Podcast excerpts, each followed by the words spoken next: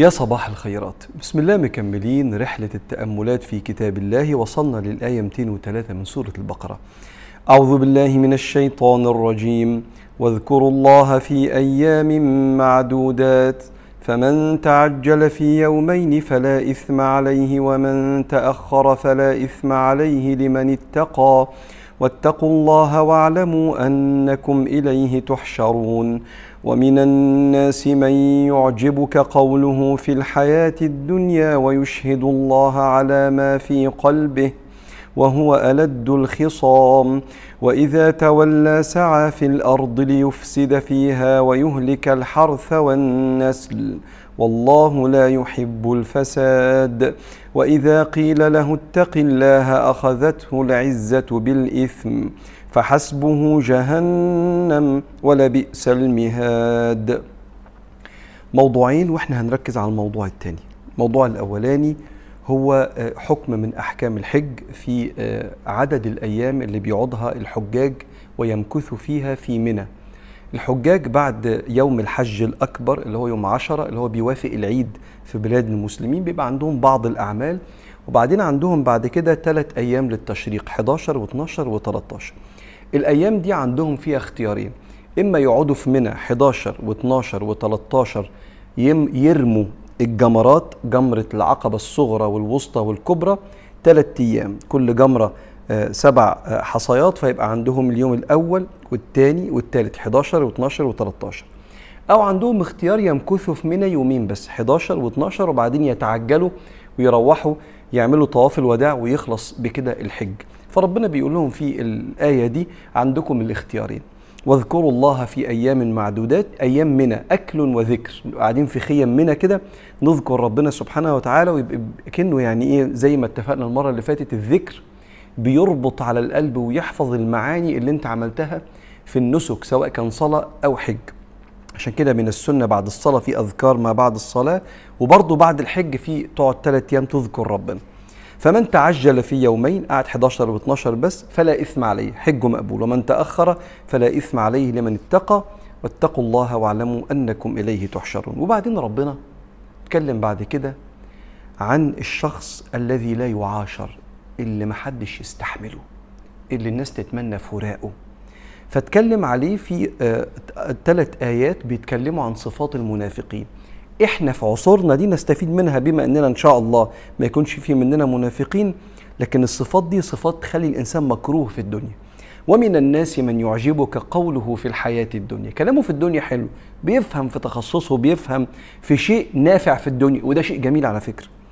لكن الإشكالية أنه جذاب من بره في كلامه لسانه حلو ويشهد الله على ما في قلبه. يعني يقول أقسم بالله أنا صادق وهو ألد الخصام.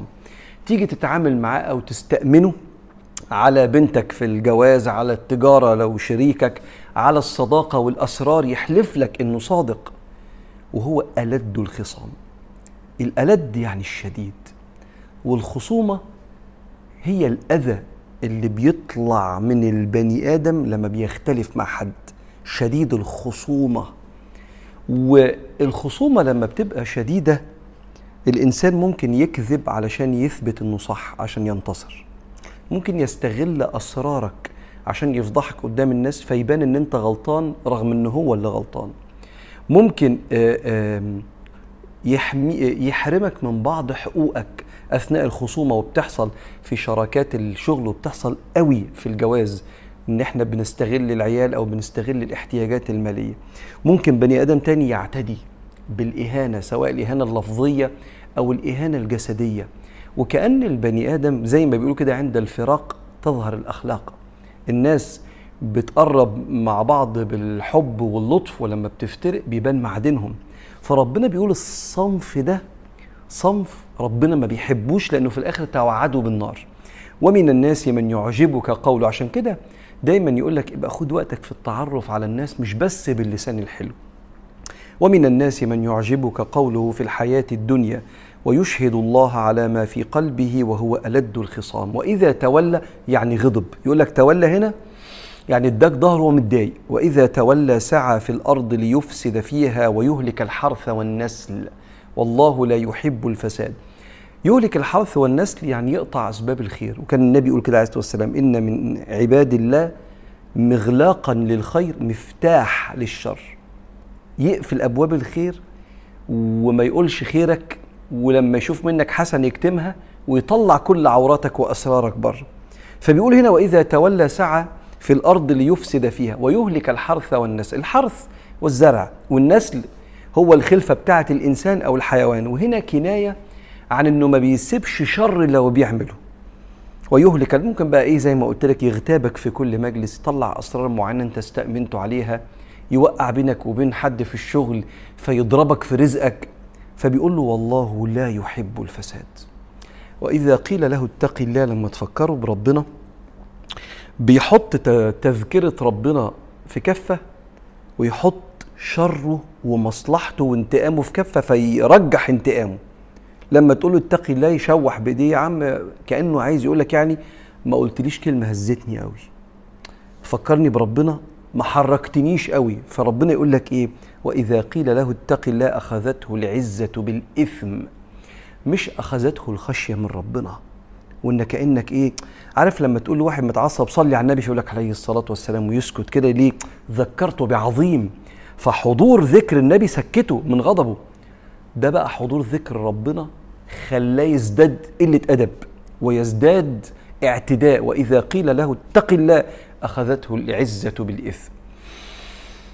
آه كان الصالحين زمان لما حد فيهم وينسب تنسب هذه القصة لعمر بن عبد العزيز أو هارون الرشيد. مرة أحد الناس وكان يهوديا ليه حق معين وما كانش ليه حق. هو شايف إنه ليه حق ومالوش حق وكان ظالما. فمعدي كده هارون الرشيد فقال له اتق الله. فنزل هارون الرشيد وقام ساجد في الأرض. فأصحابه قالوا له أنت إزاي تعمل كده؟ هو أصلا ملوش حق. قال عظمت ربي في قلبي فما أكون ابدا كمن قيل له اتق الله أخذته العزة بالإثم. هو الراجل فكرني بربنا. بغض النظر هو صح ولا غلط كلمة ربنا لما تيجي سلوكي يتغير. يحصل شيء كده من احترام ذكر الله. فبيقول وإذا قيل له اتق الله أخذته العزة بالإثم فحسبه جهنم يعني آخره. هي جهنم اللي يستاهلها.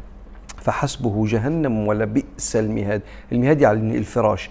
عارف لما أنت بتروح آخر يوم تنام في فراشك في مهادك كده يبقى ده مأواك بقى آخر اليوم بقية الليل اهو آخر حياة الشخص المفتري. هو طبعا بيتكلم على منافق هنا نفاق الاعتقاد يعني أصلا ده كافر. يعني بيبطن جوه قلبه الكفر ويظهر الإيمان. فربنا بيقول آخره في الآخرة هيكون النار. ثلاث صفات. الصفة الأولانية هي الكذب مش واضح بيحلف بالله كذب ويشهد الله على ما في قلبه وهو بيحلف كذب. الصفة الثانية شديد الخصومة بيفتري ويفضح ويفشي الأسرار ويهين ويحرم من الحقوق. ثالث صفة ملوش كبير. لما يتقال له اتق الله يزود في سوء أدبه مش يرجع. دول ثلاث صفات للشخص الذي لا يعاشر اللي ذكروا في الآيات 204 و205 و206 من سورة البقرة. صباح الفل والخيرات والبركات. أشوفكم المرة الجاية إن شاء الله على خير.